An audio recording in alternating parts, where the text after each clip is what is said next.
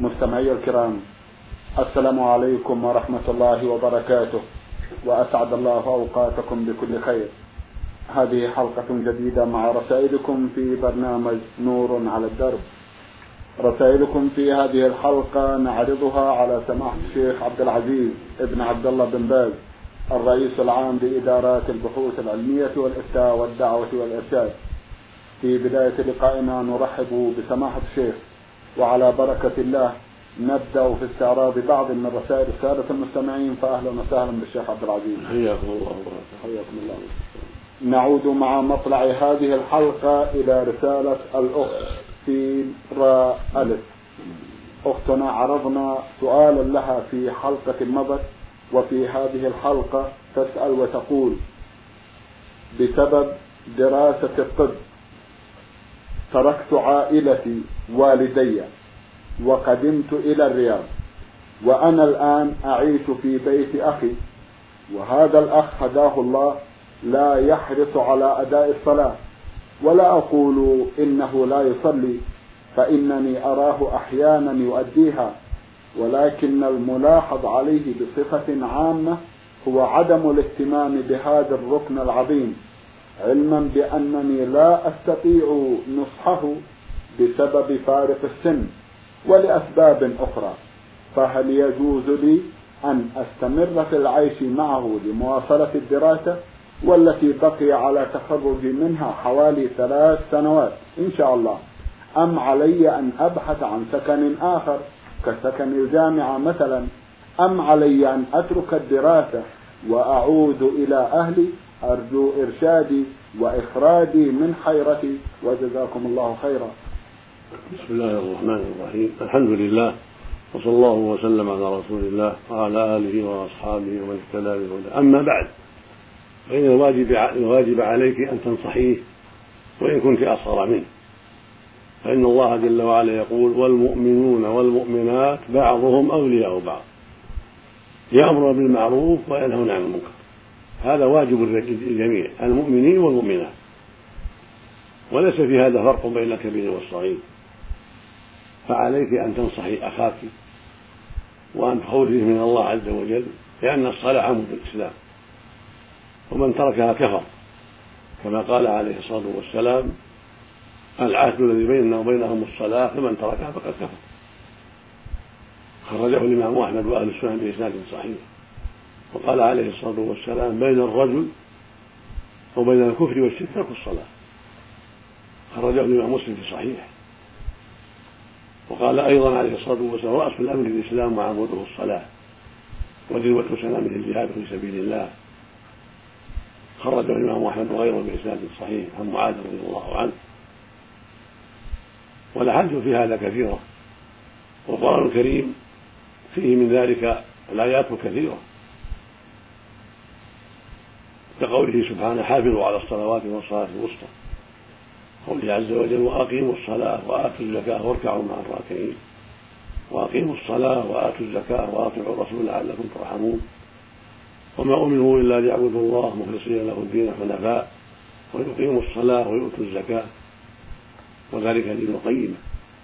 فعليك أن تنصحيه وأن تبيني له. إنكارك عليه هذا العمل. لعله يهتدي بأسبابك. فيكون لك فيكون لك مثل أجوره. والرجل ينصح المرأة والمرأة تنصح الرجل. وإن اختلفا في السن ولا سيما هو أخوك فله حق عليك من جهة واجب الدين ومن جهة واجب الرحم. فإن استقام فالحمد لله. وإلا فنصيحتي لك ألا تبقي عنده. لئلا يضرك. ولئلا تبتلي بالتأسي به فيقسو قلبك. فنصيحتي لك أن تنتقلي إلى السكن الجامعي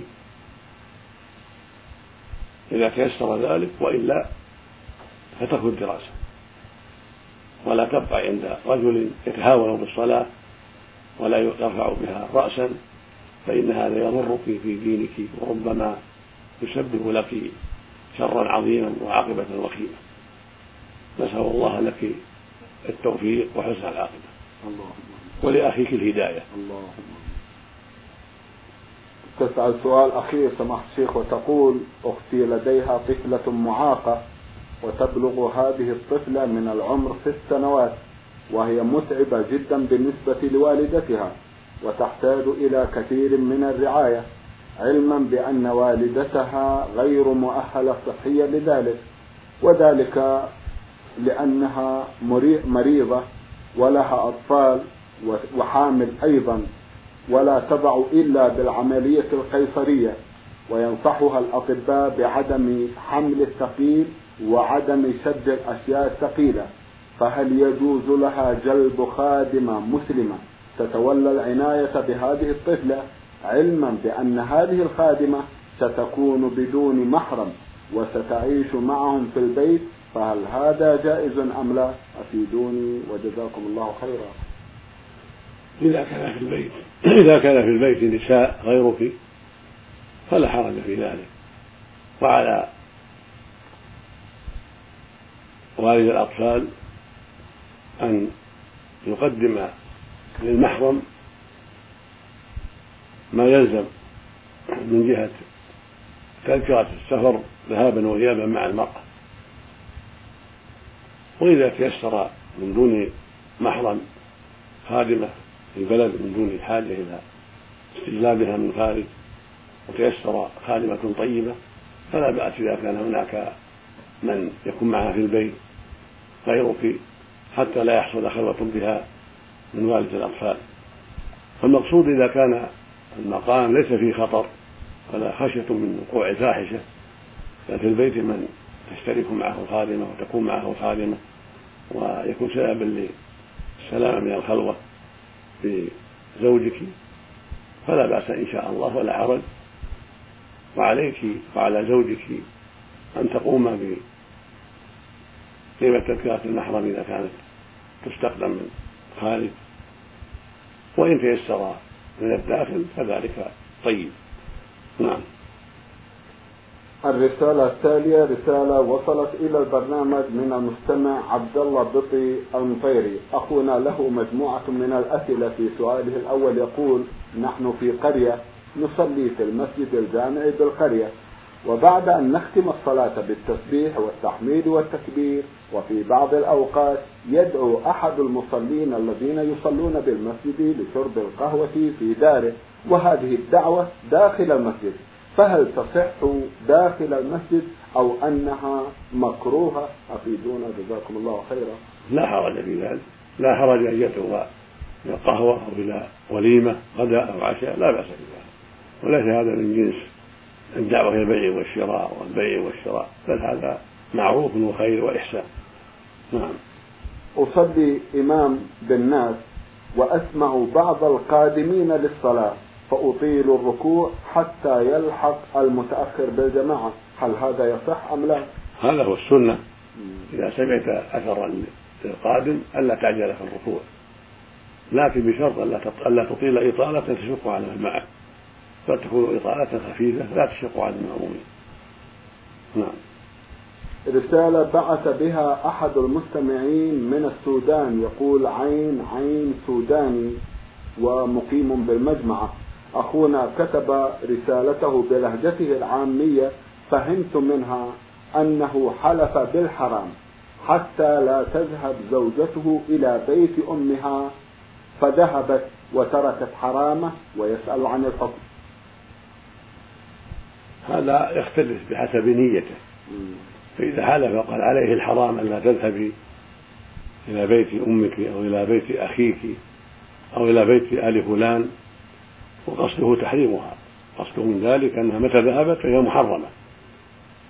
فهذا حكم حكم الظهار في أصح أقوال أهل العلم وعليه كفارة الظهار إذا خالفته وذهبت.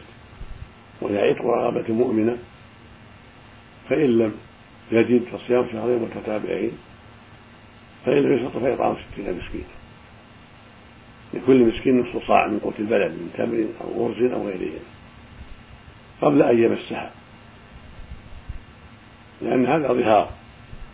أما إن أراد منعها فقط لم يريد تحريمها إنما أراد تخويفها وتحديدها ومنعها من الذهاب ولم يريد تحريمها إن ذهبت فهذا له حكم اليمين في أصح الأقوال. وهي إطعام عشرة مساكين أو كسوتهم أو عتق رغبة فإن عجز عن هذه الثلاث صام ثلاثة أيام كما جاء به النص القرآني في قوله سبحانه لا يؤاخذكم الله باللغو في أيمانكم ولكن يؤاخذكم بما عقدتم الأيمان فكفارته إطعام عشرة مساكين من أوسط ما تطعمون أهليكم أو كسوتهم أو تحرير رقبة. فمن لم يجد صيام ثلاثة أيام ذلك كفارة أيمانكم إذا حلفتم. واحفظوا أيمانكم الآية. الله أرشدنا إلى حفظ الأيمان وبين لنا كفارة اليمين والتحريم لما حرم لما أحل الله من طعام أو شراب أو لباس أو نحو ذلك مثل اليمين. وهكذا تحريم المرأة إذا قصد منعها ولم يقصد تحريمها إنما قصد منعها حكمه حكم تحريمه. الطعام والشراب في كفارة اليمين. والله ولي التوفيق. من الجمهورية العربية اليمنية الحديدة هذه رسالة بعث بها أخ لنا من هناك يقول علي أحمد سعيد. أخونا يسأل ويقول هل يجوز البكاء أثناء الصلاة؟ نعم إذا غلبه البكاء خشية لله وتعظيما له خشوعا عند القراءة أو سماعها فلا بأس. قد كان النبي يبكي وكان أخيرا الكون فقد ثبت عنه صلى الله عليه وسلم أنه كان يسمع لصدره أزيز كأزيز المريم من البكاء في الصلاة. وكان الصديق رضي الله عنه إذا صلى بالناس لا يسمع صوته من البكاء كان يسمع لعمر النشيد في البكاء. وهو يصلي بالناس رضي الله عنه وأرضاه. فالمقصود أنه إذا غلبه ذلك ولم يتعمد للرياء وإنما غلبه عند سماع القرآن أو عند قراءة القرآن فإنه لا حرج عليه ولكنه ينبغي له يجاهد نفسه مهما أمكن في عدم تشويش تشويش على الناس أو عدم تفهيمهم لكتاب لكتاب الله عز وجل. فإن المقصود الخشوع مع تفهيم الناس كلام الله. حتى يستمعوا له ويستفيدون من كلام الله عز وجل. والذي يغلبه لا يضره والله ولي التوفيق. نعم. ماذا يقول المسلم إذا خرج من بيته للصلاة في المسجد؟ يشرع له أن يقول بسم الله توكلت على الله لا حول ولا قوة إلا بالله. اللهم إني أعوذ بك أن أضل أو أضل أو أزل أو أزل أو أظلم أو أظلم أو أجهل أو يجهل هكذا جاء الحديث عن رسول الله عليه الصلاة والسلام. فيستحب للخارج إلى المسجد أو إلى غير المسجد كالسوق أو غيره أن يقول هذا. عند خروجه من بيته للسوق أو إلى زيارة أحد إخوانه أو إلى المسجد يقول بسم الله توكلت على الله لا حول ولا قوة إلا بالله. اللهم إني أعوذ أن أضل أو أضل أو أزل أو أزل أو أظلم أو أظلم أو أجهل أو يجهل علي. ويستحب أيضا أن يقول في قصده للمسجد مع هذا أن يقول اللهم اجعل في قلبي نورا وفي سمعي نورا وفي بصري نورا وفي لساني نورا وفي شعري نورا وفي بشري نورا وفي عظمي نورا وفي لحمي نورا وفي دمي نورا. اللهم اجعلني اللهم جعلت امامي نورا وخلفي نورا وعن يمين نورا وعن شمالي نورا وفوقي نورا وتحتي نورا. اللهم أعطني نورا وزدني نورا واعظمني نورا. كل هذا جاء في الحديث عن رسول الله عليه الصلاة والسلام حديث ابن عباس رضي الله تعالى عنه. وهذا الدعاء الأخير رواه البخاري في الصحيح. وهو دعاء عظيم عند قصد العبد الصلاة. نعم.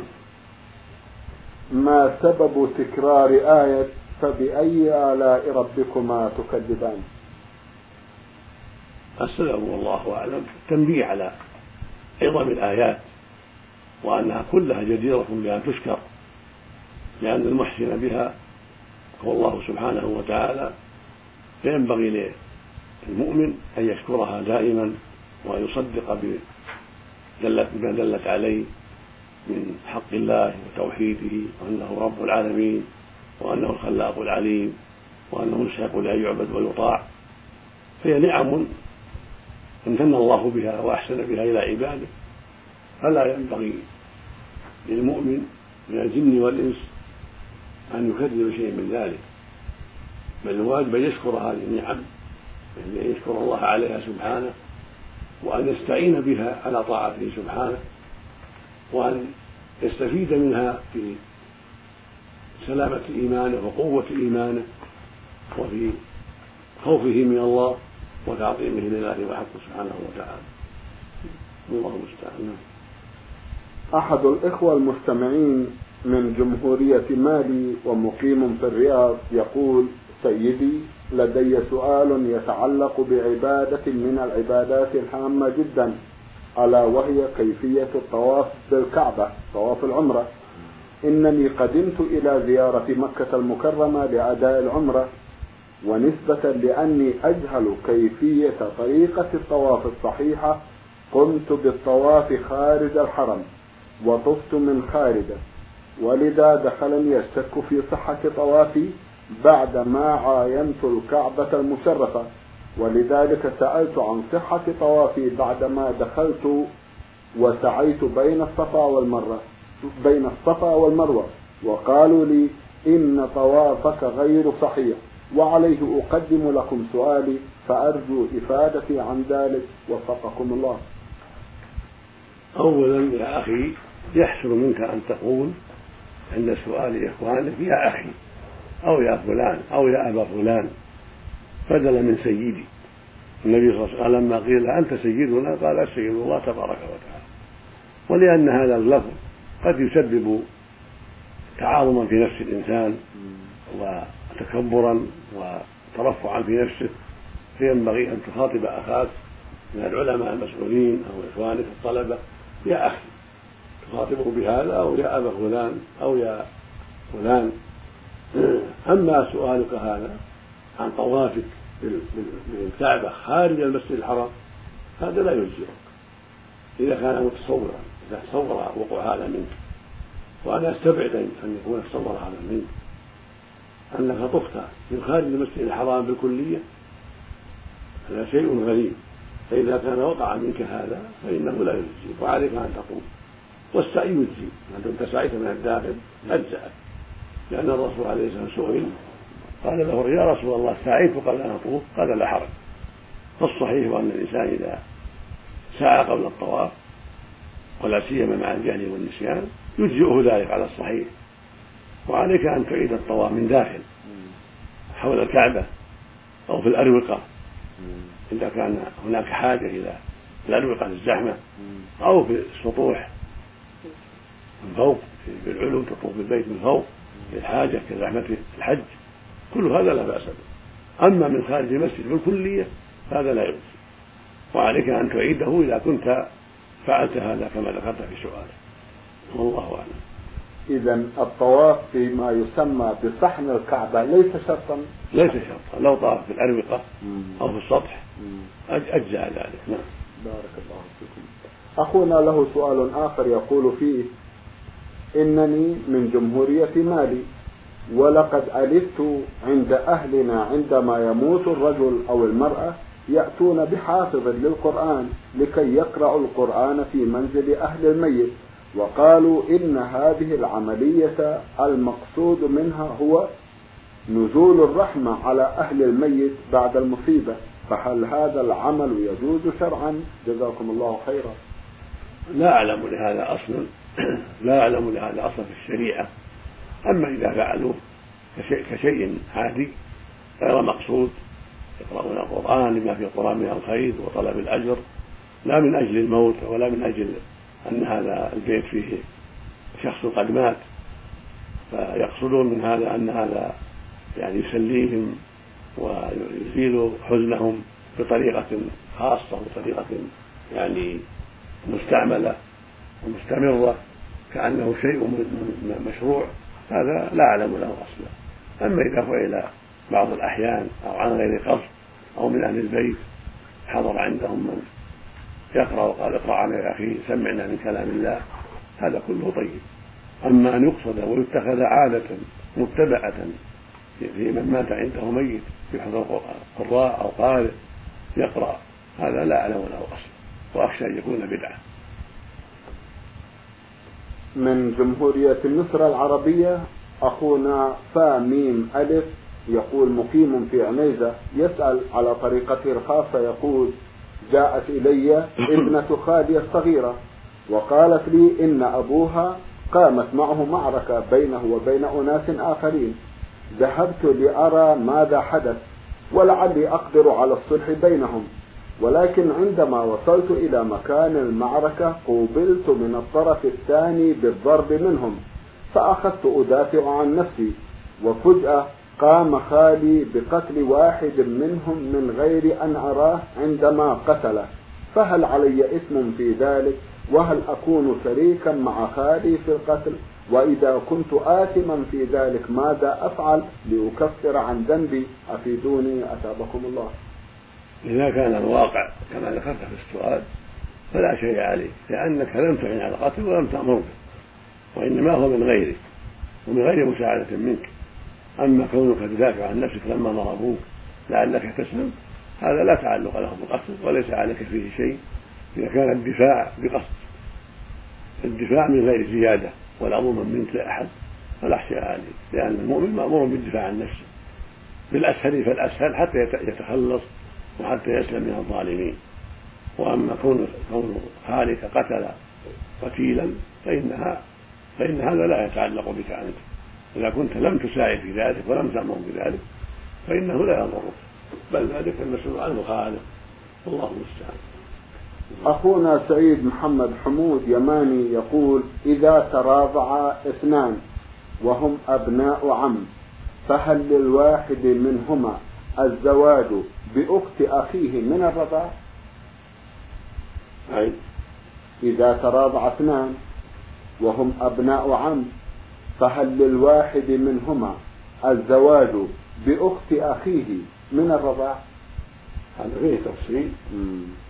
إذا تراضع اثنان كل واحد رضع من أم الآخر فالذي رضع من أم الآخر يكون تكون بناتها أخوات له تكون بناتها أخوات ليس له أن ينكح منهن أحدا إذا كان الرضاع قد استوفى الشهور كان في الحولين وكان خمس رضعات أو أكثر فإذا رضع زيد رضع زيد من فاطمة خمس رضعات فأكثر حال كونه في الحولين فإن بناتها يكن أخوات له وليس له أن ينكح منهن أحدا. وهكذا لو رضع أحد أولادها من أم الراضع وخمس رضعات فإن أخوات الراضع لا يحللن لهذا الذي رضع من أمه لأنه صار أخا لهن بالرضاع المقصود أن المرتضع إذا استكمل الرضاعة في الحوالين خمس رضعات فإن بنات المرضعة من أي زوج إخوة له أخوات له. وهكذا بنات صاحب اللبن من أي زوجة يكون أخوات له نكاح شيء منهن لقوله صلى الله عليه وسلم يحرم من الرضاع ما يحرم من المسلم نعم. رسالة بتوقيع فتاة الجنوب عين حاء عين. أختنا لها مجموعة من الأسئلة في سؤال لها تقول عندنا بعض النساء الكبيرات في السن. يقولن إذا حاضت المرأة فإنه يحرم عليها مس بعض أنواع الرياحين.